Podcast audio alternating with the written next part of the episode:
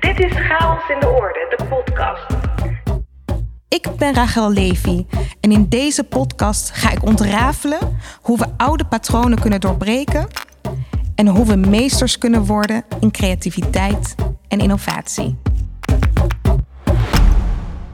In gesprekken met mensen over innovatie zeggen ze vaak tegen me: innovatie is niet zo ingewikkeld. Het gaat om verbanden leggen, connecting the dots. Innovatie is eigenlijk heel makkelijk. Je moet gewoon het onverwachte combineren. Maar in praktijk is dat niet zo gewoon. Is het niet zo makkelijk? Er zijn maar weinig mensen die dit echt doen. En die springen er ook direct uit. Op papier weten we misschien hoe het moet, maar in praktijk zijn er altijd duizend en één redenen om niet die verbanden te leggen. Hoe vaak hoor je niet, ja, maar dat hoort niet bij mijn rol. Ja, maar dat overstijgt onze taken. Ja, maar dat kan niet uit dit potje. Ja, maar daar zijn zij toch van? We hebben onze organisaties zo ingericht dat het in praktijk helemaal niet zo makkelijk is om het onverwachte te combineren. In deze aflevering hoor je Shalila Essaidi en zij is zo'n uitzonderlijk voorbeeld dat wel voorbij alle grenzen denkt en vooral voorbij alle grenzen doet. Ze is grensverleggend als biokunstenaar, ontwerper en ondernemer. En Shalila laat zich inspireren door de natuur. Zij zet haar creatieve proces in om de wereld te verbeteren met, ja, je zou het kunnen omschrijven als futuristisch biodesign.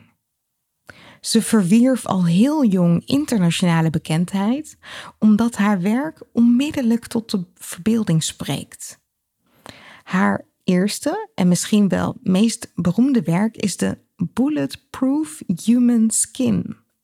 En met deze creatie slaagde Shalila erin om menselijke huid kogelweren te maken. Door er spinnenzijde elementen in te verwerken nou ja, dat kreeg ze niet voor elkaar door binnen een hokje te denken. En ze neemt ons in deze aflevering mee in haar denkproces, waarbij ze altijd een stap verder gaat dan de gemiddelde mens. Chaos in de orde. De zoektocht. Als we elkaar spreken, zit Shalila midden in haar droom. Ze creëerde Bio Art Village op een terrein van 1,6 hectare midden in het bos bij Eindhoven. En op de achtergrond hoor je af en toe misschien het gescharrel en het gefluit van vogels. En dat klopt, ze wordt omringd door vinkjes. Het is een bijzondere plek. Vijf bunkers uit de Tweede Wereldoorlog vermomd als boerderijtjes, waar ik uh, mijn labs, kantoren, uh, ja, experimenten, onderzoeken en ruimtes heb voor ja, internationaal toptalent, wat ik uh, begeleid, faciliteer, maar ook eigen onderzoek. Um, ja, een plek midden in de natuur met monumentale bomen, met een uh, ja, prachtig bos eromheen, ja, die verwondert, inspireert, waar ik mee samenwerk. Samenwerken met het bos, met de natuur, dat is wat Shalila doet als bioartist. Via het ene project rolde ze in het andere en nu creëerde ze deze plek. Ja, vertelde mijn vader dat ik hier als, als kleine kleuter eigenlijk al met hem kwam. Uh, hier zit een, een uh, militair vliegveldje vlakbij. Daar we samen vliegtuigjes gingen spotten en uh, ijsje eten bij de buurman, de Philips Fruittuin. En um, ja, ik was dat allemaal al vergeten. Dus ik werd verliefd in 2015 op deze plek heb er zeven jaar voor gevochten. En, en ja, nu, nu is het een eigendom en kan ik het een, heel mooi ontwikkelen. Uh, maar ik heb, ja, ik was dat al die tijd vergeten dat ik hier al als kleine uk een, een, een historie met mijn vader had. Een heus bio-art dorp. Een droom. En toch is dat niet begonnen als droom.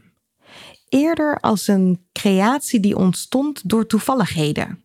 Ik ben zo iemand die soms gewoon in het diepe springt vanuit een verwondering, een liefde, een nieuwsgierigheid. Wat ik al zei, ik werd verliefd op deze plek met zijn oude mooie kastanjebomen en die natuurlijke omgeving. Ehm, ja, en dan en begin je ergens aan en dan maak je het ook af. Uh, maar het is niet zo dat ik toen ik 18 was of toen ik 9 was, dacht had van ja, ik, ik eindig uh, in bunkers in het bos.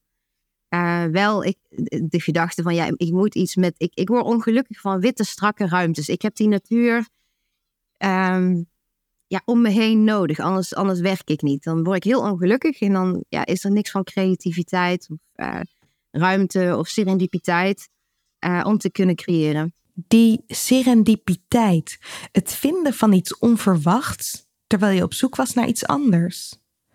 Het vermogen van een alerte geest om conclusies te trekken uit toevalligheden. Zo creëert Shalila. Haar omgeving en wat daarin plaatsvindt heeft directe invloed op haar werk. Ze wil haar nieuwsgierigheid en fascinaties kunnen volgen. En dat had ze als kind al. Toen al een hele grote fascinatie had van alles wat leefde, bloeide, groeide, mieren, uh, het bos, maar ook de encyclopedieën van de oudere buren. Uh, toen had je nog bijvoorbeeld boerin Anna. Hè? Het was wat groener in de omgeving waar ik opgroeide. Met de, met de rooizolders en, en, en, en strooschuren. En waar je met de boerenzonen uh, de, pinkies aan het zoeken was. En nieuwsgierigheid naar hutten bouwen, boeken. Uh, willen weten hoe alles in elkaar stak. Ja, vooral het buiten zijn, creëren, vinden, uitzoeken, kennis. Dat vond ik bij de oudere generatie. En in die zin ook een beetje een eindselganger op de basisschool en middelbare school. Um, want ik was minder bezig met dat sociale aspect, hè, uh, vriendjes en, en uitgaan. Ik vond het veel leuker om uh, ergens op de hooizolder of ergens in een boom of uh, in het gras of in een boek met mijn neus te zitten. En um, ja, ik had een heel warm, fijn gezin thuis, um, waar kinderen ook aan tafel uh, ja, mee mochten praten en meedoen. Dus uh, ja, het was altijd een, een uh, hoe noem je dat, een, een fijn heenkomen. Iedereen kon vriendjes, vriendinnetjes meenemen. Eh, en vanuit mijn vader had je kunstenaars, filosofen, artsen die dan lekker meeaten. En um, ja, die ruimte die daarin ontstond, dat je als kleinkind eigenlijk al mee mag denken en mee mag luisteren en ook je eigen mening geven, dan leer je al heel snel dat iedereen vanuit zijn eigen, um, ja, vanuit zijn eigen beroep, zijn eigen eiland uh, denkt over dingen. Maar dan leer je ook al heel, heel jong dat dat, um, ja, eigenlijk, er zijn heel veel belangen en heel veel. Uh, uh, hoeken uh, van waaruit je een probleem of een thema uh, kan benaderen. Shalila kreeg thuis de ruimte om vragen te stellen, om nieuwsgierig te zijn. Geen enkele vraag was dom. Over het algemeen reageerden de volwassenen positief op haar aanwezigheid. Ja, ja, tuurlijk. Je hebt af en toe ook wel eens um, mensen die heel lijnrecht denken. Hè? Maar dan is het dan ook, eh, ja, werd ook een beetje een, een dingetje aan tafel. Hè? Mensen proberen te overtuigen, hè? mensen meenemen. Ehm, en dan leer je eigenlijk ook al heel jong, hè? dat leer je niet op een academie, van het is heel belangrijk om mensen uh, ook in beeld, in, in verhalen, in concrete voorbeelden, uh, wat dan ook weer in hun referentiekader past, om die kleine, ja, die kleine stapjes mee te nemen in van ja, maar zo kan het ook. En, en heb je wel eens aan, aan, dat zijlijntje gedacht? En, en wat zou het betekenen als het in, in die context is? Niet alleen haar nieuwsgierigheid werd thuisgevoed. Ook haar liefde voor de natuur groeide en werd gerespecteerd. Zo besloot Shalila toen ze zeven was dat ze geen dieren meer wilde eten. Ze had veel empathie voor de dieren die ze om zich heen in de boerderijen zag ja, niet zo gek dat ze later zelf ook iets wilde doen met dieren, met natuur. Maar gelukkig voor de wereld kon Shalila niet kiezen. Ik wilde dierenarts en bioloog en, boswachter en uh, patholoog. Ik, ik weet niet wat er allemaal voorbij kwam. Uh, maar ook ja, het, het creatieve, hè? Uh, dingen maken, schilderen, uh, bouwen zat erin. Maar in die tijd had je nog niet echt een opleiding, zo'n crossover opleiding, hè, waar je die combinatie uh, technologie, creativiteit, natuur Ja, nu de dag heb je dat steeds meer, maar toen was dat er nog niet. Dan moest je echt eigenlijk voor een hokje gaan kiezen. Dat kiezen voor een hokje paste niet bij Shalila. Het is iets wat haar enorm stoorde aan ons onderwijssysteem. Het is altijd het noorden of het oosten, niets ertussenin. Dus in eerste instantie verzette zich Shalila tegen alles en begon al heel jong met tatoeëren. Iets wat haar ouders totaal niet zagen zitten. Pap zei altijd, je mag alles worden en, en, en blijf vooral studeren. Maar uh, het, tatoeëren vind ik geen slim idee. Ja, dan, dan is dat hetgene wat je gaat doen als je 16 bent. Ze werkte een paar jaar als ondernemer met een eigen tattoo-studio. Maar toen werd het toch een beetje saai. Shalila raakte verveeld. Er was te veel herhaling om haar nieuwsgierigheid te voeden. Ze stopte met haar bedrijf en ging naar de kunstacademie in de hoop dat ze daar weer nieuwe creativiteit, nieuwe voeding zou vinden. Maar dat viel in mijn verwachting ook weer heel erg tegen. Want dat is in een periode geweest waar we nog echt heel traditioneel naar de kunsten keken. De schilderkunst, beeldhouden, uh, uh, kunstgeschiedenis, kunstbeschouwing, uh, kunsteducatie. De kunst werd toch ook weer vanuit hokjes bezien en in hokjes aangeboden. Shalila besloot toen haar eigen pad vorm te geven. Ze was meer buiten de academie te vinden dan er binnen.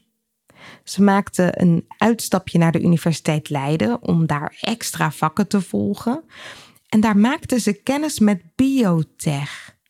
Ineens begon ze te zien hoe natuur, technologie en kunst elkaar konden vinden. Een verademing. Want bezig zijn met de natuur binnen de muren van de kunstacademie betekende in praktijk vooral dat je de natuur zou schilderen voor Jalila veel te saai. Ze begon zich te verdiepen in een nieuwe stroming, de bioarts. In Nederland werd daar eigenlijk nog niks mee gedaan uh, in die jaren, maar wereldwijd uh, had je in Australië bijvoorbeeld symbiotica, uh, waar echt het, het, kunstvak gecombineerd wordt met biologie, medical science, waarin mensen daarin opgeleid worden. En je had een, een, ja, een klein handje um, biokunstenaars over de wereld zitten. Een Joe Davis, een Oren Katz, echt de grondleggers van die stroming. Die kunstenaars deden iets nieuws. Ze schilderden geen natuur op doek, maar ze gebruikten de natuur zelf als inspiratiebron en als canvas om mee te werken. Ze combineerden biotech en kunst en gebruikten biomimicry als ingang om te ontwerpen. Weet je nog, biomimicry? Dat betekent dat je kijkt naar de slimme oplossingen en principes die al in de natuur bestaan en probeert daarvan een vertaalslag te maken naar ja, oplossingen die voor ons mensen ook interessant zijn. Zo is uh, klittenband bijvoorbeeld geïnspireerd op de vruchten van een klis. Dat is een plant. En de uitvinder merkte dat hij de klitten van die vruchten amper uit de vacht van zijn hond kreeg na een wandeling. En toen begon hij eens te bestuderen hoe dat kwam. En hij zag dat die vrucht zich zo goed kon hechten door allemaal kleine haakjes. En zo ontstond het idee voor klittenband door te kijken naar de natuur. Serendipiteit zou Jalila zeggen, dat hij tijdens een wandeling inspiratie opdeed voor een uitvinding die we nu allemaal gebruiken. Nou, gedreven door deze kunststroming bracht ze relatief veel tijd door in Leiden. En waar ze echt wel de ruimte hebben geboden aan kunstenaars om uh, ja, met de wetenschappers in het lab uh, mee te kijken, mee te leren over hun rituelen. Want heel veel in de wetenschap is eigenlijk een herhaling hè, van stappen. Dit was misschien wel het grootste verschil met de academie. De systematische manier van werken, waarbij iedere stap doelmatig wordt gezet, waar het proces goed wordt uitgedacht, zelfs rondom experimenten. Terwijl in de kunst, het, het creatieve domein, eh, ontstaan toevalligheden. Je denkt ze niet van tevoren uit. Uh, en ja, de natuur is best vast online. Hè? We hebben, in de natuur heb je gewoon regels. Uh, je kan geen varken met vijf vleugels maken, bijvoorbeeld. Even heel plat een voorbeeld. Maar um, ja, je leert dan schipperen tussen die werelden. En ja, wat ik al zei, ik had een toffe directeur die me de ruimte gaf. Maar ja, ook die werkplaatsmedewerkers die, me, die dat wel tof vonden. Zo, ja, niet veel leerlingen gingen in de in de ambachten beneden in de kelders werken. Maar ik sleepte dan zo'n boomwortel en dan wilde ik weer iets leren over metaal. Of uh, we hadden weer een, ergens een doodgeboren geitje wat dan in gietharsel dat uh, moment van vergankelijkheid vastleggen. Dus die boden ook de ruimte. Shalila werd zeker niet altijd begrepen. Want ja, was ze nou kunstenaar of wetenschapper? En toch kreeg ze wel ruimte om te onderzoeken of die hokjes wel zo relevant waren. De werelden waren verschillend, maar toch ook weer niet zo. De kunstacademie zat in een gloednieuw gebouw, witte muren, witte vloeren, en in Leiden zagen de laboratoria er precies zo uit. Shalila richtte zich niet op de verschillen, maar juist op de overeenkomsten, op de verbindingen. Waar komen deze werelden overeen, zodat er kruisbestuiving kan ontstaan? Wat ik heel erg denk, is dat wij eigenlijk als kind geboren worden in denken in verbindingen en dat wij het tijdens ons proces naar volwassenheid ontleren. Dat we dan veel meer bezig zijn met wat. wat uh, en dat hoort ook bij mens zijn. We hebben uh, referentiekaders nodig en we hebben uh, die hokjes nodig um, om de wereld overzichtelijk te, te houden. En daar zit denk ik ook die chaos in. Um, ik, ik, geloof heel erg dat je, dat je dat ook moet kunnen loslaten. En uh, veel meer denken in van, oké, daar zit een element wat interessant is. En daar zit een element in, ja, die werelden bij elkaar brengen. Want dat zijn eigenlijk de onbewandelde paden tussen domeinen waar nog heel veel te vinden, te ontdekken, over te verwonderen, maar ook te innoveren valt. Uh, als je dat kan leren loslaten. En ik denk dat je dat vanaf kinds af aan eigenlijk al hebt. Hè? Die, die ja, wereld die is vol verwondering en, en, en dingen om te ontdekken en te zien en te voelen en te ervaren. Um, dat we eigenlijk allemaal soms ook een beetje weer terug moeten naar dat, dat kind zijn. Uh, ergens open instappen.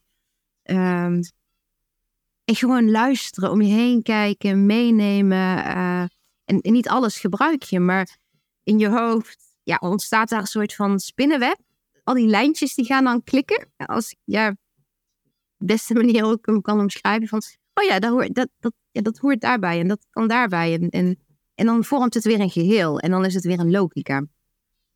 In plaats van eerst vanuit die, wat je, ja, waar je het net ook over, veel zijn we vanuit een logica aan het denken, vanuit iets wat al vaststaat. Maar dan ben je niet aan het vernieuwen, dan sta je gewoon stil in de tijd. Hokjes vinden we fijn. Ze helpen ons om de wereld te bevatten, om grip te ervaren, een gevoel van orde. Maar juist door niet vanuit die hokjes en die logica te vertrekken, ontdekt Shalila onontgonnen gebied. Met één been in de kunst, één been in de wetenschap en een fascinatie voor nog zoveel meer. En de kinderlijke houding om alles gewoon te onderzoeken. Nou ja, in die tijd ben je vooral, ja, nou nog heel veel aan het experimenteren, aan het onderzoeken. Um, uh, steeds vanuit die nieuwsgierigheid, fascinatie. Um, mijn, mijn echt eerste grote bioartswerk is die Bulletproof Human Skin geweest. Maar dat is ook tijdens mijn, mijn studeren geweest. Toen was ik begonnen aan de master uh, um, kunsteducatie. Ja, hobbymatig las ik steeds wetenschappelijke artikelen over ja, nieuwe vindingen. Dat was voor me, ik vond dat gewoon leuk en interessant. Uh. En um, ja, in 2009 um, uh, had ik een artikel gelezen van uh, wetenschapper Randy Lewis uit Amerika, die genetisch gemodificeerde geiten had gemaakt. Nou, super fascinerend natuurlijk. Hè? Dat was ook zo'n man die echt ja, out of the box, niet vastgeketend in, in, in zijn eigen domein, maar verder keek. En die theoretisch heel erg bezig was met toepassingen voor die synthetische spinnenzijde. Ja, je hoort het goed. Spinnenzijde en geiten. Randy Lewis vond het fascinerend dat spinnen zo'n sterk web kunnen spinnen. Hij wilde weten of we dat materiaal zouden kunnen toepassen voor menselijke oplossingen. En hij was er met zijn team in geslaagd om genen van spinnen in geiten te plaatsen waardoor de geiten spinnenzijde konden produceren. Of nou ja, de structuur van hun melk werd er anders van. En uit die melk konden wetenschappers zijdeproteïne filteren. Om vervolgens verschillende hele sterke toepassingen te maken. bijvoorbeeld kunstmatige pezen en hechtingen. En zo ontstond bijvoorbeeld het idee voor betere airbags en kogelvrije vesten. Uh, maar praktisch uh, ja, hadden ze het de dieren aangepast, uh, het materiaal konden ze produceren, het had goede eigenschappen. Uh, maar niet verder gedacht dan een kogelwerend vest. En, en ja, als creatieveling denk je van ja, maar oké, kogelwerend vest zou je ervan kunnen maken, maar hoe ziet dat er in de toekomst uit? En als we nadenken over veiligheid, we hebben misschien kogelwerende mensen in de toekomst. En um, nou ja, een mens kan je niet maken. Maar ja, dan ben je ook zo brutaal. Net zo brutaal als ik was met mijn eigen uh, route in mijn onderwijs bepalen. Ja, dan schrijf je ook zo'n wetenschapper aan met al je vragen van... Maar um, ja, wat, wat als we kogelwerende mensen zouden kunnen maken? En ja, die dan ook echt eh, terugreageert van, oh, wat interessante denkrichting en, en dit, dit zijn materiaaleigenschappen. En dat je dan ja, tot het idee komt, kogelwerende huid. Want ja, voor mij, was het, voor mij is het heel belangrijk om met de echte materialen. Dingen moeten niet in het conceptuele blijven hangen. Um, er, moet, er moet ergens ook iets in het, het reële uh, plaatsvinden. Dus ja, dan, dan ga je onderzoeken. Uh, nou ja, kogelwerend mens mag niet. Een kogelwerende huid wel. Um, ja, en dan is het uh, ja, een heleboel wetenschappers aanschrijven. En dan krijg je echt heel vaak van, ben jij gek? En uh, nee, je werkt er niet aan mee. En, en, je snapt dat natuurlijk ook wel, want uh, wetenschap is met hele andere dingen bezig. En, en de budgetten, tijd, wat ze te beschikking hebben, is ook voor andere dingen bedoeld. Ook al wordt ze niet altijd begrepen met haar filosofische vragen, toch prikkelt de denkwijze van Shalila anderen. Zou het kunnen een kogelwerende huid. Ze bleef partijen benaderen die dit interessant zouden kunnen vinden. Ja, dan heb je de, de, de dermatologen van het Leids Universitair Medisch Centrum mee. Uh, je hebt wetenschappers in Korea, Duitsland. Uh, en zo ontstaat er dan een hele internationale samenwerking met uh, de mogelijkmakers. Want noem ik die mensen ook wel, die wel buiten dat eigen eilandje durven kijken, denken en ja, ook samen willen creëren. Um, ja, die je dan mee hebt. En dan ga je zo'n kogelwerende huid samen ontwikkelen in alle labs. En, en nou ja, een heel proces. Uh, maar ja, dat is denk ik het eerste echte biokunstwerk. Mogelijkmakers. Mensen die over hun eigen domein heen kijken. Shalila werkt er graag mee samen en is er zelf ook één. Ze leest iets, zit erover te mijmeren en te fantaseren wat nu als? En dat zegt ze dan hardop. Waar de meeste mensen zouden denken: tja, dit is een fantasietje. Een scenario voor een goede science fiction misschien, spreekt Shalila die woorden uit, stelt vragen, verleidt anderen om mee te gaan in haar fantasie, in haar nieuwsgierigheid, zonder na te denken over wat ze er wel niet van zullen vinden het zijn vragen vanuit nieuwsgierigheid. Je neemt mensen eigenlijk mee op, je, op je zoektocht. Je, je zoektocht naar antwoorden. En wat ik straks al zei, als, als kind, hè, die gesprekken aan tafel, hè, dat, dat dat dan al heel jong aangeleerd is, dat, uh, dat je ook altijd moet kijken van wat is het belang voor die andere persoon die tegenover mij zit. Gewoon, dat is een essentie. Uh, um, dus op het moment dat je een, een wetenschapper of een um, textielwetenschapper of een celbioloog aanschrijft, dat je daar ook even over nagedacht hebt van, maar wat heeft die andere persoon eraan? En, ja, en op die manier ja, neem je mensen eigenlijk mee op die zoektocht. Voor ze het weet, werkt Shalila ineens aan een sterkere menselijke huid. En om anderen te verleiden buiten de grenzen van het bekende te denken, over hun eigen domein heen te kijken, staat Shalila stil bij hun belangen. Maar ze begint niet met de gedachte dat innovatie per se een doel of een uitkomst moet zijn. Daar doet ze geen belofte over. Het draait om de zoektocht. De zoektocht. Want um, bijvoorbeeld voor de dermatologen. Um, ik, ik, ik, ga met ze in gesprek en we alles over ze weten. Uh, dat is met alle mensen zo. Dus wat hun drijft en, en uh, waarvoor hun onderzoek dient. En dan uh, kom je tot het besef van, hé, maar het zou voor jullie wel eens interessant een, een andere drager te gebruiken om huidmodellen te ontwikkelen. Ehm, voor de mensen van het NFI ehm, die onderzoek doen naar, naar eh, de impact van uh.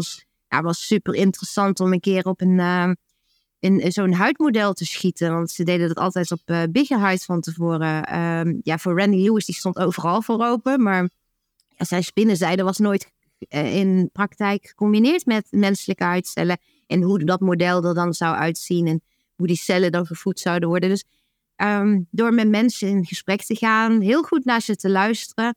En weet jij, hoor je ook elementen waar jij op, op hun behoeften kan aansluiten. En uh, ja, en dan, ja, is zo'n zo'n um, zo'n sparkle moment in, in van die gesprekken dat het dan klikt. Hè? Dat de ene van, oh ja, de, interessant en, en ik ben ook nieuwsgierig. En dat, dat die zoektocht, je weet dan echt niet van tevoren dat je een kogel weer in de menselijke huid gaat, werkelijk gaat creëren die, die ook nog functioneel is. Um, mensen meenemen op die zoektocht is al een, een doel op zich. Uh, antwoorden zoeken. Antwoorden zoeken op vragen. Wat nu als? Wat nu als we innovatie niet meer zo planmatig aanpakken? Met een meerjarenstrategie, een vast budget, een planning, afgebakende rollen en taken en domeinen maar veel vaker denken vanuit de vraag en de zoektocht gaandeweg vormgeven. De innovatie democratiseren door juist niet in vast omlijnde rollen en taken te denken. Bij Shalila ging het zo. Ze beperkte zich niet tot één vaste vraag, één vast domein, maar liet zich leiden door wat ze tegenkwam. Het idee van een kogelwerende huid was interessant voor allerlei toepassingen. In de gesprekken hierover, door heel veel vragen te stellen, ontstonden de contouren voor wat het mogelijk zou kunnen worden. Ja, onderweg, uh, ja, dan, dan vind je veel meer antwoorden op de vragen, omdat het echt zo'n nieuw gebied is. Uh, uh, iedereen denkt daar dingen over, theoretisch vind je daar dingen over, maar dan ga je het uitvoeren met z'n allen. En um, ja, dat waren ook hele bijzondere momenten. Bijvoorbeeld de dag dat we bij, uh, in de kelders van het NFI uh, uh, in gecontroleerde omgeving, eh, eh, omstandigheden, ja, op die huidmodellen gingen schieten, waren de dermatologen daarbij. De, ja, iedereen was daar gewoon bij dat moment. En um, dat is ontzettend spannend. En het moment dat het dan lukt, dan is iedereen ook helemaal dolgelukkig. ja, en, en ja, voor iedereen is het dan ook een beetje een snoepwinkel. Hè? Dat je, ja, ieder pakt zijn elementje eruit. Uh, van, oh ja, dus op het moment dat we die kogel weer in de huid ontwikkelden, um, ja, kom je erachter dat, dat uh, de huid, de cellen niet afgestoten worden. Super interessant voor de dermatologen. Dat is een, nieuw materiaal dat kan bijdragen. Voor het NFI ehm, is daar een onderzoeksrapport uitgekomen, bijvoorbeeld. Want ik wilde die kogel weer in de huid uh, op de ballistische gel tentoonstellen in, in het museum. Ja, die ballistische gel, um, uh, die wordt gemaakt van beendermeel om uh, menselijke spiermassa uh, na te bootsen. maar dat, die is maar heel beperkt houdbaar. Dus ik ben toen weer andere wetenschappers en, en partijen gaan zoeken van hoe kan ik die blok langer houdbaar maken. Weer in een totaal ander domein, omdat ik het in een museum ehm, tentoon wilde stellen voor een langere periode. Nou ja, dan leer je over stofjes die je kan toevoegen, waardoor zo'n ballistisch blok uh, heel lang houdbaar. Ik heb er één, die is nu uh, die is van 2009, zit in 23.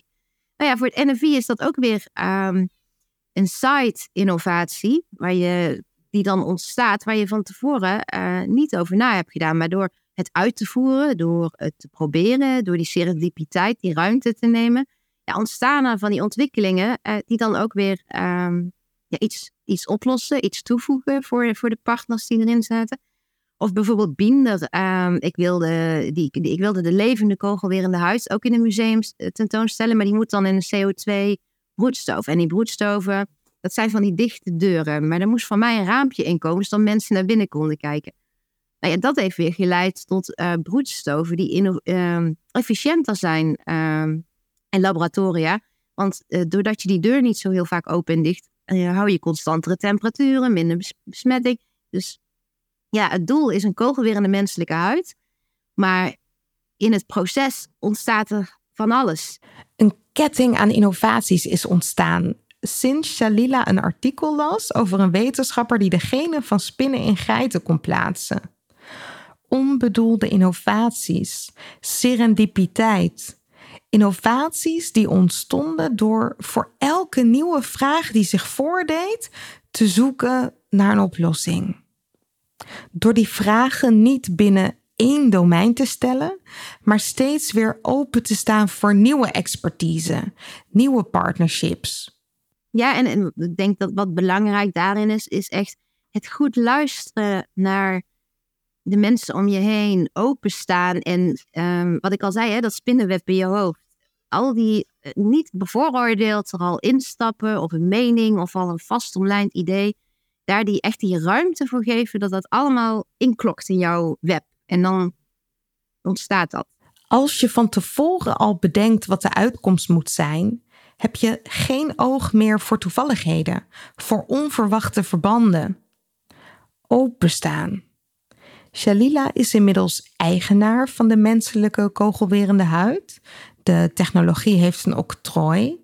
Maar dat neemt niet weg dat ze altijd nieuwsgierig blijft naar nieuwe samenwerkingen, naar nieuwe toepassingen.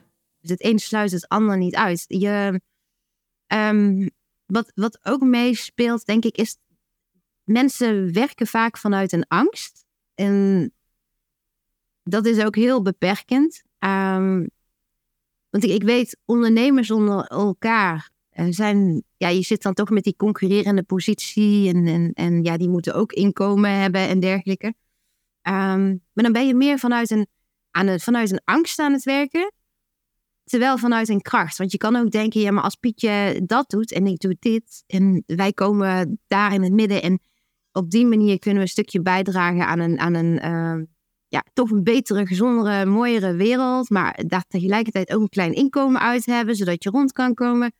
Ik denk als je op die manier erin staat, weer, eigenlijk, hè, uh, goed luisteren, elkaar vinden op rondjes. Uh, en niet vanuit die angst opereren. En inderdaad, ja, Waarom zou je je druk maken om wat anderen ervan vinden? Je het is jouw leven, je leeft één keer. Ik zou dat ontzettend jammer en zonde vinden als je zo in het leven staat, dat je constant druk maakt om wat anderen vinden. Misschien heb jij ook wel eens gedacht: het liefst zou ik nu willen samenwerken, binnen de organisatie of daarbuiten, een frisse blik toelaten, een partnerschap aangaan. Maar ja, dat kan ik toch niet zomaar doen? er is toch een bepaalde hiërarchie in mijn organisatie. Ik heb maar een beperkte ruimte om zelf beslissingen te nemen. Wie ben ik nou? Dat kan ik toch niet zomaar besluiten? Ik kan toch niet zomaar ineens een experiment beginnen? En toch is dat maar een gedachte. Want er zijn wel degelijk zulke mogelijkmakers, ook in grote logge organisaties. Ik heb heel veel met ambtenaren te maken gehad. En um, er zijn ambtenaren die de ruimte nemen. En, die zie je ze ook pakken. En dat zijn in mijn ogen ook de ambtenaren die, die floreren. Hè? Die uh, ook zo die, wat jij zoekt, eigenlijk al in zich hebben. Hè? Die vanuit een macro, maar ook een micro, uh, ook heel openstaan. Van die vol antennes hebben. Wat gebeurt er in de samenleving? Wat, wat kan ik daar uithalen? Hoe kan ik dat verbinden en oppakken? Um, en je hebt ambtenaren die heel erg uh, volgens het boekje werken. Je hebt ze allebei nodig. Uh, maar dat, dat kan alle, allebei naast elkaar zijn. En los van hiërarchie of verantwoording of risicomanagement en, en al die elementen. Het, het kan en het bestaat. En, en ik hoop dat we in de toekomst veel meer van die, ja, uh, hoe noem je dat? Die, die, die uh, ambtenaren met voelantennes hebben. Die midden in de samenleving staan. En ook al is, ja, als je ambtenaar ben je vooral op kantoor bezig. Maar volgens mij kun je die ruimte ook binnen een gemeente of een provincie of het Rijk pakken. Shalila vindt het belangrijk dat mensen niet vertrekken vanuit de gedachte dat risico's beperkt moeten worden, maar echt vanuit nieuwsgierigheid, prikkelende vragen. Dat mensen bereid zijn eerst eens een tijdje mee te gaan in het experiment en onderweg dan uit te vinden wat precies de kansen en de mogelijkheden zijn en natuurlijk ook de mogelijke risico's. Maar het proces vooral niet in de kiem te smoren. Of je te laten beperken door jouw formele rol. Als je wel degelijk ook iets kunt toevoegen aan andere processen.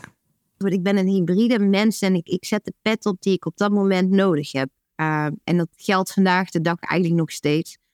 Um, het ene moment um, moet je onderzoeken. Het andere moment moet je samenwerken. Uh, het moment daarna moet je nadenken over de business case. En, en dan heb je ook weer dat stukje uh, creativiteit, nieuwsgierigheid nodig. Want een, een, een project als Bulletproof is, is best complex. Er zitten veel, zitten veel eilanden, veel disciplines, uh, veel mensen aan verbonden. Um, en dan moet je snel kunnen schakelen en, en door. Of juist een stapje terug. De oorspronkelijke vraag nog eens bevragen. Werk zien als proces waarin je steeds doet wat nodig is en de rol inneemt die dat ondersteunt. Niets in hokjes, alles organisch, net als in de natuur. Ja, eigenlijk een, een heel natuurlijk proces. Hè? Want in de natuur is het ook uh, trail en, en error. Uh, uitproberen, lukt het niet, stapje terug, stapje vooruit. Wat heb je nodig? ik bedoel, onze natuurlijke omgeving die past zich ook aan uh, naar veranderende omstandigheden. Uh, als je kijkt naar biodiversiteit of, of, de periode waar we nu in zitten met het klimaat. Um, en en ja, kijk, nu zijn we vooral bezig van hoe zorgen we dat wij als mensheid er dadelijk ook nog onderdeel van zijn. Maar die natuur redt zich wel, die past zich aan. En, en um, ik denk dat dat ook voor ons geldt in, in ons werkzame leven. En je, moet je kunnen aanpassen aan, aan situaties. En stapjes terug, stapjes achteruit. Andere pet, andere, andere rol. Uh, wat, wat de situatie vraagt op dat moment. De bulletproof skin ontstond door te doen. En het katapulteerde Shalila van het ene op het andere moment. Ze was nog heel jong, begon dit project tijdens haar studie. En ineens stond ze in een museum, zat de pers er bovenop en had ze een vliegwiel voor nieuwe vragen, nieuwe ontdekkingen, nieuwe ambities. En het was mijn eerste project, dus ik, ik, uh, ik werd echt overwandeld um, wat daarmee gebeurde. Uh, want daar kwamen van over de hele wereld reacties uh, op af. Maar ook heel veel ehm, ja, jonge mensen die ook net een kunstacademie en, en vragen hadden van ja, maar hoe doe je zo'n project? Ik wil ook op dat snijvlak werken. Ik ben ook gefascineerd door uh, um, die verbinding natuur en, en technologie. En um, uh, ja, je krijgt dan zoveel reacties, mailtjes. Uh, toen hadden we nog geen WhatsApp, telefoontjes, noem maar op. Um, dat je dan ook weer eigenlijk, ja, je, je gaat dan weer luisteren, hè, wat, wat gebeurt hier? dus toen ben ik ook het idee van BioArt Laboratories een plek waar kunstenaars, eh, designers, wetenschappers gefaciliteerd en begeleid worden in het realiseren van ideeën. Maar dat je dan ook zelf gaat reflecteren, maar hoe heb ik dat proces aangepakt en wat, wat, wat, wat, wat zijn de belangrijke elementen die ik hun mee kan geven, zodat zij um, ook een, een, een, bedrijf aan zich binden, hoe, zij ook in een universiteit binnen kunnen komen. Uh, wat ik net al zei, het, het, het, goed luisteren, kijken naar het belang van de ander, kijken naar verbindingen. Want vaak gaat het om economische redenen mis. Hè? Een, een kunstenaar-designer heeft geen geld. Uh, wetenschap heeft heel veel geld nodig. Um, en andere doelstellingen. Um, wetenschap is een hypothese testen, onderzoeken, uh, uitvoeren. En een kunstenaar is veel vrijer en experimenteler. Dus ja, je, ja toen ontstond Stichting VR Laboratories. Dus een, plek om, ze te begeleiden en te faciliteren. Omdat we dat gewoon nog niet hadden in, uh, in Europa. Um, maar ook in die periode, ik denk 2015, uh, eh, die Bulletproof uh, Human Skin heeft veel impact gehad. Uh, ja, dan kom je ook aan tafel met beleidsmakers en, en ja, de hele mikmak eromheen. En um, ja, dan ben ik ook heel nieuwsgierig van hoe dat allemaal werkt. En um, nou ja, toen waren ze hier in Brabant het nieuwe, het nieuwe concept coalitieakkoord. Nou ja, het mesprobleem uh, is niet alleen van die tijd, maar daarvoor ook en, nu de dag nog. Uh, waar je dan uitgedaagd wordt van, hé, hey, uh, jij bent goed bezig, kun je niet iets voor dat bedenken? Ja, dat pak je dan op als een uitdaging. En dan weet je eigenlijk nog helemaal minimale over de agrarische sector of de textielindustrie of hoe, wel de grondstofketen werkt. Maar ja, dan ga je net als bulletproof aan de slag. Je gaat weer met mensen praten, je gaat luisteren, je gaat lezen. Je haalt je mest bij de boer, je neemt het mee naar het lab, je gaat het als een lasagne ontleden. En kijken waar het uit bestaat. Je kijkt naar de markt, de impact. Uh, ja, en zo ontwikkel je mestik. Uh, het van koeienmest. Uh, ja, nieuwe grondstoffen creëren. En um, ja, BioArt Laboratories. Dus het, het helpen begeleiden van, van andere talenten. De rode draad is duidelijk. Er rijst een vraag en Shalila is nieuwsgierig naar het antwoord. In het geval van de Bulletproof Skin was het een vraag die ze zelf kreeg na het lezen van een artikel. Maar na het succes van dit project kwamen de vragen ook vanzelf naar haar toe. Zoals: Kun jij iets met het mestoverschot? En Shalila had toen kunnen zeggen: Nee, sorry, daar weet ik niks van. Ik heb alleen ervaring met spinnenzijde. Maar dat doet ze dus niet. Ze begrenst haar domein niet al op voorhand. Ze denkt juist: Oh, interessant. Ik weet niet of ik daar iets mee kan. Laten we het ontdekken. En zie daar, naar weer een nieuw proces van trial and error, nieuwe partnerschappen, nieuwe ontdekkingen, is daar ineens Mestic. Bioplastics gemaakt van mest. En deze bioplastics gaan weer een serie van innovaties ontketenen, zonder dat ze dit op voorhand kon weten. Het een rolt uit het ander, maar dat is dus steeds weer vanuit die nieuwsgierigheid, die verwondering, uh, een uitdaging, bijvoorbeeld in het geval van Mestic, maar ook samenwerking. Ik ben daarna gaan samenwerken ook met Waterschap De Dommel, die dan echt een vraagstelling neerleggen van, ja, we zitten hier met rioolvet, uh, heel zonde, het is een eh, afvalproduct, wordt verbrand.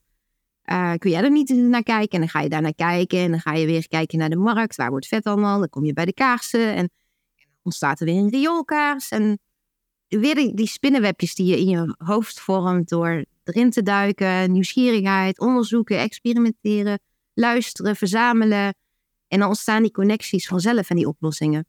In managementland leren we vaak andere principes, zoals het principe van Stephen Covey: begin met het eind voor ogen. Maar voor iemand als Shalila werkt innovatie juist heel anders. Ze begint juist niet met het eind voor ogen. Dan zouden ze de uitkomsten op voorhand enorm beperken. Ze gaat juist uit van het leren en ontdekken door te doen. Dat organische, dat natuurlijke, vindt ze ook een les waar managers, waar leiders hun voordeel mee kunnen doen. Als je naar, de natuur kijkt, hè, het wordt nou denk ik ook heel veel in management en in leiderschap uh, uh, gebruikt, hè, paarden. Um, je hebt paarden die echt zo'n natuurlijke leiderschap hebben, die, die mensen op een, positieve manier door het voort te doen mee kunnen nemen. En je hebt echt die leiders die ja, heel hiërarchisch, structuren, eh, Excel-sheets, regels, wetten.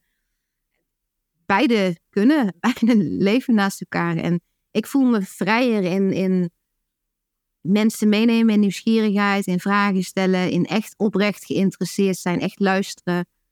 Um, en dat dat veel beter werkt in mensen ja, meenemen, overtuigen. Een stukje vanuit empathie, denk ik ook. Uh, ja, dat dat ook, denk ik, voor het ambtelijk apparaat, het empathisch vermogen. Uh, dat dat net zo'n een, een belangrijke denkspier is als, als creativiteit. Alles willen uitdenken en plannen vooraf, beginnen met het eind voor ogen. Het is verklaarbaar waarom we dat doen. We willen plannen hoe we onze mensen en onze middelen inzetten, hoe we onze kosten en opbrengsten afwegen, hoe we risico's beperken. Maar het staat innovatie wel in de weg. Eh, dat is niet innoveren, dat is eigenlijk uh, stilstaan in mijn hoofd. Want je weet al wat je gaat doen. Ja, eigenlijk is dat heel wetenschappelijk. Hè? In de wetenschap weet je, je schrijft je hypothese uit, je weet uh, welke stappen je gaat nemen. En je hebt een hypothese wat je denkt dat er uitkomt. Uh, en daar werk je naartoe. Um, het kan ook een vorm zijn, maar je sluit, ja, wat je zegt, je sluit heel veel onbewandelde wegen sluit je daarmee af. En ik vraag me dan ook heel vaak af, zijn we dan niet gewoon aan het herhalen wat er al is? Waarschijnlijk wel. Vandaar die eeuwige verzuchting. Ja, maar dat hebben we alles geprobeerd. We blijven hangen in wat we al kennen en zijn meer bezig met dat te verbeteren dan echt te vernieuwen. Efficiëntie wint het van het experiment. Is het ook efficiënt op de langere termijn? Want um, tenminste, mijn ervaring is, is dingen worden vaak voor vier jaar, acht jaar, uh, twaalf jaar max van tevoren uitgedacht. En dan wordt er vanuit een macroniveau, en soms vind ik dat je terug moet naar microniveau en, en niet één keer, maar dat je meerdere keren moet schakelen tussen die domeinen, tussen de lagen, om ook die onzichtbare dingen die je anders over het hoofd ziet. Want zo'n onzichtbaar dingetje kan ook een enorme impact hebben. Uh, bijvoorbeeld zo'n broedstoof of een, een, ballistisch blok uh, wat lang meegaat. Die sla je dan over. Als je bereid bent te zoeken, vind je antwoorden. Ook antwoorden waar je niet naar zocht, maar die toch interessant zijn. Waar ook vernieuwing uit kan voortkomen. Eigenlijk laat Shalila zien dat we moeten leren om te schakelen tussen onze ideeën en fantasieën over de toekomst en het nu. Het is interessant om die vraag te stellen: zou er een kogelwerende mens kunnen bestaan? Maar dan terug naar het nu. Wat zou daar nu op dit moment een realistische waarde van kunnen zijn? Nou, bijvoorbeeld die sterkere huid voor dermatologen om mee te werken, of voor het NFI om kogelwerende vesten mee te versterken. Want als je alleen maar met die toekomst bezig bent, dan ben je heel erg conceptueel. En hij moet wel gegrond zijn in het nu. Hij moet wortels hebben, voeten. Een beeld over de toekomst is goed, maar ook de vraag stellen: welke concrete dingen moeten of kunnen we nu dan al ontwikkelen? Met wat er is? Waar kunnen we op voortborduren? Wat is een eerste kleine stap? We willen iedereen in uh, elektrische auto's laten rijden. Maar we hebben er niet bij stilgestaan van, ja maar hebben wij onze infrastructuur op orde voordat we iedereen willen over laten stappen op, uh, op elektriciteit rijden? En en dat zie je met heel veel dingen terug. Dan zijn we heel erg te ver in de toekomst, maar dan hebben we nog niet doorberekend waar we nu zijn, waar we nu staan, wat er nu beschikbaar is. En ik denk je, je, je idee of je concept aan het einde moet je aan het begin wel gewoon voeten geven. Anders gaat het mis. Mogelijkmakers kijken naar het nu. Wat kan nu al? Wat is nu mogelijk? Vaak zien we van innovaties alleen maar het resultaat. De iPhone, de Tesla, ChatGPT, een kogelwerende huid, bioplastics uit mest. Maar het proces er naartoe is veel interessanter. Het begin, de eerste vraag, die weer leidt tot een andere vraag en weer tot een volgende. Steeds een stapje vooruit of heel veel stapjes terug. Het is geen geordend proces. Het is rommelig en het bestaat waarschijnlijk uit meer mislukkingen dan successen. Maar het blijven bewegen, het blijven meebewegen, leidt uiteindelijk ergens toe. En misschien wel tot iets beters dan je had verwacht. De levenshouding van Shalila is: durf maar ergens in te springen. Zolang je kunt zwemmen, hoef je niet precies te weten waarheen. Zo kwam ook de BioArt Laboratories tot stand. Ja, die Bulletproof Human Skin heeft ervoor gezorgd dat ik terug naar Eindhoven kwam. Want uh, ik werd toen destijds door uh, de toenmalige burgemeester gevraagd. Die moest een, um, een tripje maken naar Tapij. Um, om de innovaties van Eindhoven uh, ja, te tonen, wat hun kon in, inspireren. En toen benaderden ze mij van mogen we een stukje huid meenemen. Maar ik was niet meer in Eindhoven, want ik was aan het studeren in Tilburg en Leiden. Ik was niet meer zo vast. Um, en dat hebben ze toen meegenomen. Toen zeiden ze ook van, is het niet voor jou interessant om je in Eindhoven te gaan vestigen? En um, ja, toen ben ik eerst in een verlaten oud Philips fabriek neergezet. Nog met echt de, de, kerstboom boven in de hoek in de kantine. En de magie flesjes op tafel en de koffiekopjes. En foto's overal. Net alsof die mensen van Philips zo opgestaan waren en vertrokken. En daar uh, kreeg ik een uh, ja, 800 vierkante meter uh, hal. Ik had toen nog helemaal niet veel geld of zoiets. Dus ik, ik ben gewoon ook weer bedrijven actief gaan benaderen. Sponsorschap, labs die spullen weggaven. Heb daar een, een compleet lab ingericht. Uh, maar dat werd te klein. En uh, dat gebouw, dat, uh, ja, dat moest ook verbouwd worden. Daar kwamen, werd verkocht en er kwamen andere partijen in. En toen moest ik op zoek naar een andere locatie. Die gedwongen verhuizing was weer zo'n toevallige omstandigheid die tot nieuwe vragen leidde. Een laboratorium richt je namelijk niet zomaar in. Het is heel kostbaar, alles moet kloppen. Dus Shalila wist, ik doe dit nog één keer. Ik wil iets kopen. Een plek waar ik het in één keer goed doe. Je broedstoven, je, je min 80 vriezers, dat moet gewoon stabiel staan. Want dat is wel je witte stuk. Het witte muren en tegeltjes, wat heel steriel is gewoon. Maar het moest voor mij ook echt midden in de natuur zijn. Ehm, want in al mijn projecten en alles, ja, daar hoort natuur bij. Die natuurlijke omgeving, daar onderzoek je, daar experimenteer je, daar leer je van. Er zit ja, een soort van biomimicry. Um, en toen hebben ze een heleboel plekken laten zien. Uh, maar toen kwam ik hier en ik was ja, op slag verliefd op dat verwilderde bos waar sinds 94 ja, niks meer aan gedaan was. Uh, de vogels, de natuur zijn vrije hand had. Uh, en iedereen verklaarde me voor gek, want de panden waren van binnen. Uh, ja, daar hebben krakers in gezeten, volle toiletpotten, muren die door de natuur en, en alles aan het gaan waren. Maar ik zag dan door die dikke lagen tapijt nog, nog stukjes monumentaal parket van de oude sigarenkamer. En uh, ik zag dan kleine stukjes van de historie. Ja, dus ik was op slag verliefd. Dus ik zei, ja, dat, dat is hem, dat wordt Alleen dat heeft wel zeven jaar uh, vechten geduurd. Want er kwamen later allemaal um, politieke en ambtelijke complicaties. Bij me, ja, het is zeven jaar van mijn leven geduurd en nou ben ik er. En, en ja, nou zit je in een andere energie. Je bent aan het bouwen, aan het creëren. Uh, ja, toen ik hier eerst kwam, ik zag die oude gaarkeuken waar vroeger het, uh, het eten wat helemaal uit elkaar geslopen was. Maar ik zag daar gewoon mijn lab. En één op één, uh, daar pasten de cleanrooms, de mint.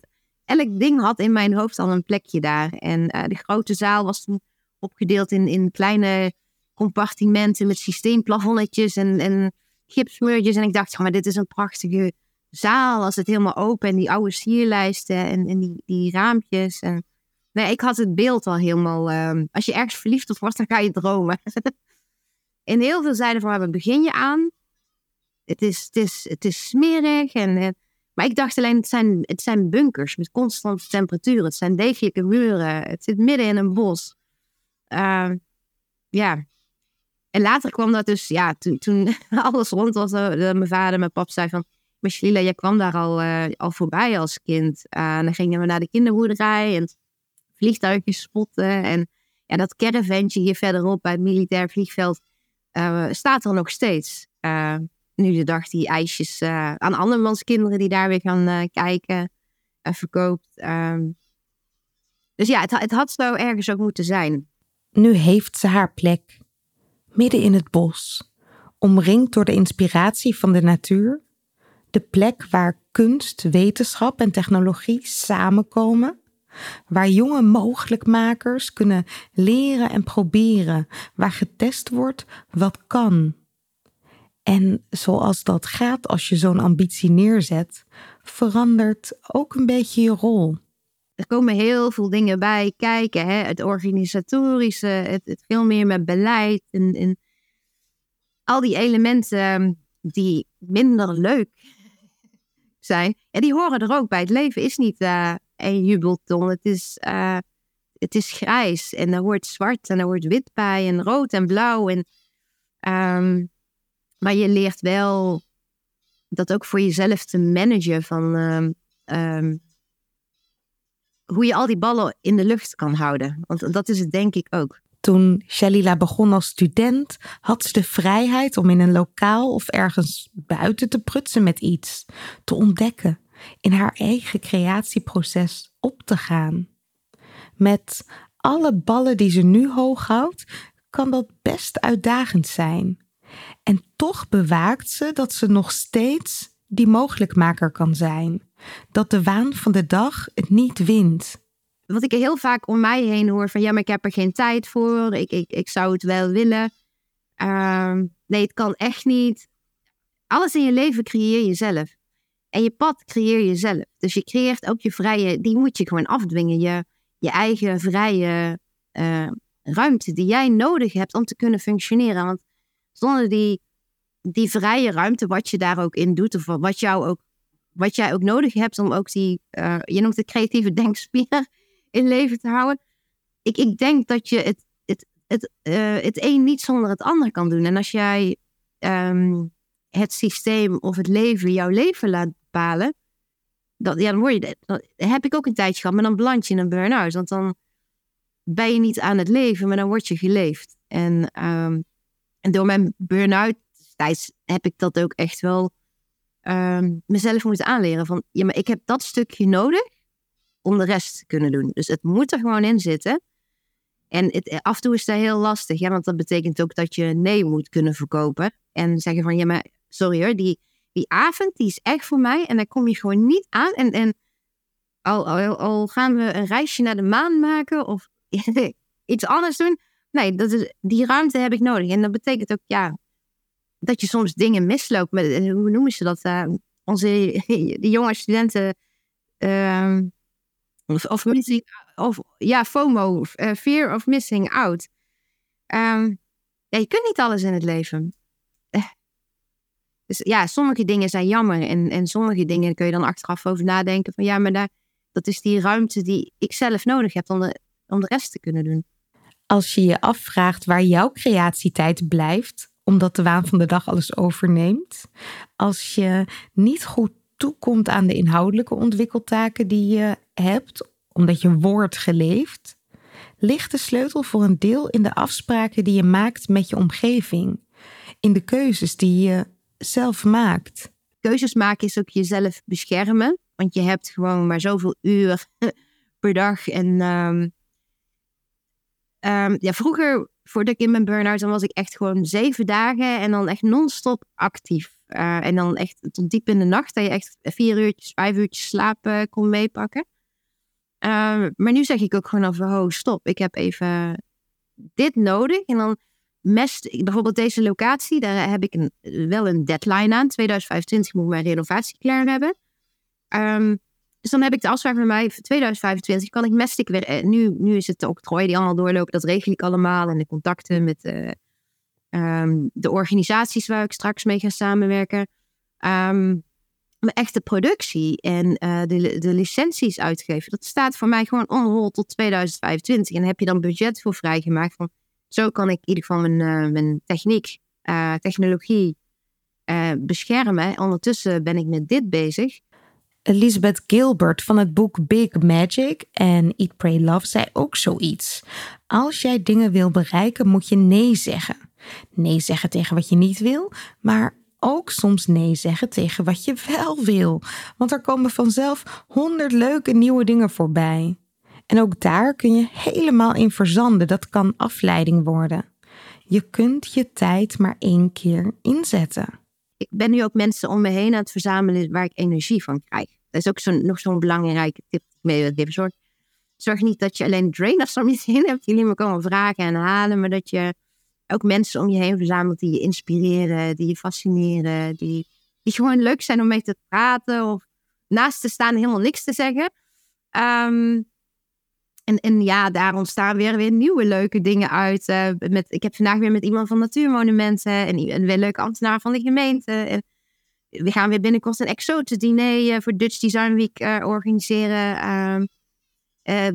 Volgend jaar zijn we helemaal, gaan we in de tomaten duiken met Wageningen, weer leuke wetenschappers. Dus ehm, ja, ondertussen dacht die renovatie heb ik dus ook die vrije ruimte waarin ik dus de leuke mensen, nieuwe projecten, nieuwe ideeën, nieuwe energie en dan haakt dat dan weer per ook in, in mijn locatie. en wordt dat weer een pilot hier. Dus uh, ja. Het lijkt misschien of het bij Shalila nooit stilstaat, altijd in beweging is. En toch staat het soms wel stil. Niet als Shalila bezig is met het beleidsmatige, het organisatorische. Ja, dan is er weinig vrije ruimte en wordt ook zij soms opgeslokt door alles wat moet maar daartegenover staan de momenten in het bos of in de moestuin. Momenten die bijna meditatief zijn. Ja, dus dan ben je heel meditatief, eigenlijk weer met onderzoeken, uh, zaden uittesten, uh, planten. En, en dat is dan het moment dat je die vrije ruimte ook weer in je, in je hoofd creëert, waardoor er weer nieuwe dingen kunnen ontstaan. Want als je alleen maar met organisatie en gesprekken en dit moet afgehandeld en um, ja, het, beleidsmatige, het, het organisatorische bezig bent, dan staat dat, die vrije ruimte staat dan uit. Want dan ben je gewoon aan het uitvoeren. En ja, die, die vrije ruimte ontstaat dan weer als je met het meditatieve, het, het rustige met mensen uh, aan het creëren bent. Chaos in de orde. De zoektocht. Shalila laat zien wat er kan gebeuren als innovatie niet op papier plaatsvindt, maar in praktijk. Als je niet van tevoren een heel plan uitdoktert en daar stapsgewijs aan werkt, maar als je gewoon begint te zoeken op het moment dat zich een vraag aandient waar je nog geen antwoord op hebt. En als je je daarbij niet laat beperken door rollen of regels of geldpotjes, maar je laat leiden door pure nieuwsgierigheid. Waar brengt die nieuwsgierigheid je? Wie kom je onderweg tegen? Welke vragen hebben anderen? Wat zouden we er nu al als eerste stap mee kunnen? Waar is al kennis? Waar zijn al antwoorden? Hoe kunnen we die gebruiken? En waar kan een eerste stap dan weer toe leiden? Beweging brengen gaat volgens mij over zelf in beweging komen en vervolgens meebewegen met wat zich aandient. Ook met de toevalligheden of de serendipiteit, zoals Shalila dat zo mooi noemt. En het is logisch als je daar weinig ruimte voor ervaart op het moment dat je agenda ramvol zit. Als je wordt geleefd door allerlei organisatorische taken, dan werkt die antenne voor mogelijkheden en kansen gewoon minder goed. Maar het een sluit het ander dus niet uit. Shalila ontmoet ze ook genoeg. Ze zegt: één op de twintig ontmoetingen zit er iemand tussen die zich niet laat beperken door de waan en de regels en de procedures. Een mogelijkmaker. Iemand die ook nieuwsgierig is. Die ook bereid is iets in gang te zetten, bij te dragen, tijd te maken. Ja, je hebt maar zoveel uren in een dag. Maar je kunt in die uren wel prioriteit geven aan bepaalde zaken en minder aan andere.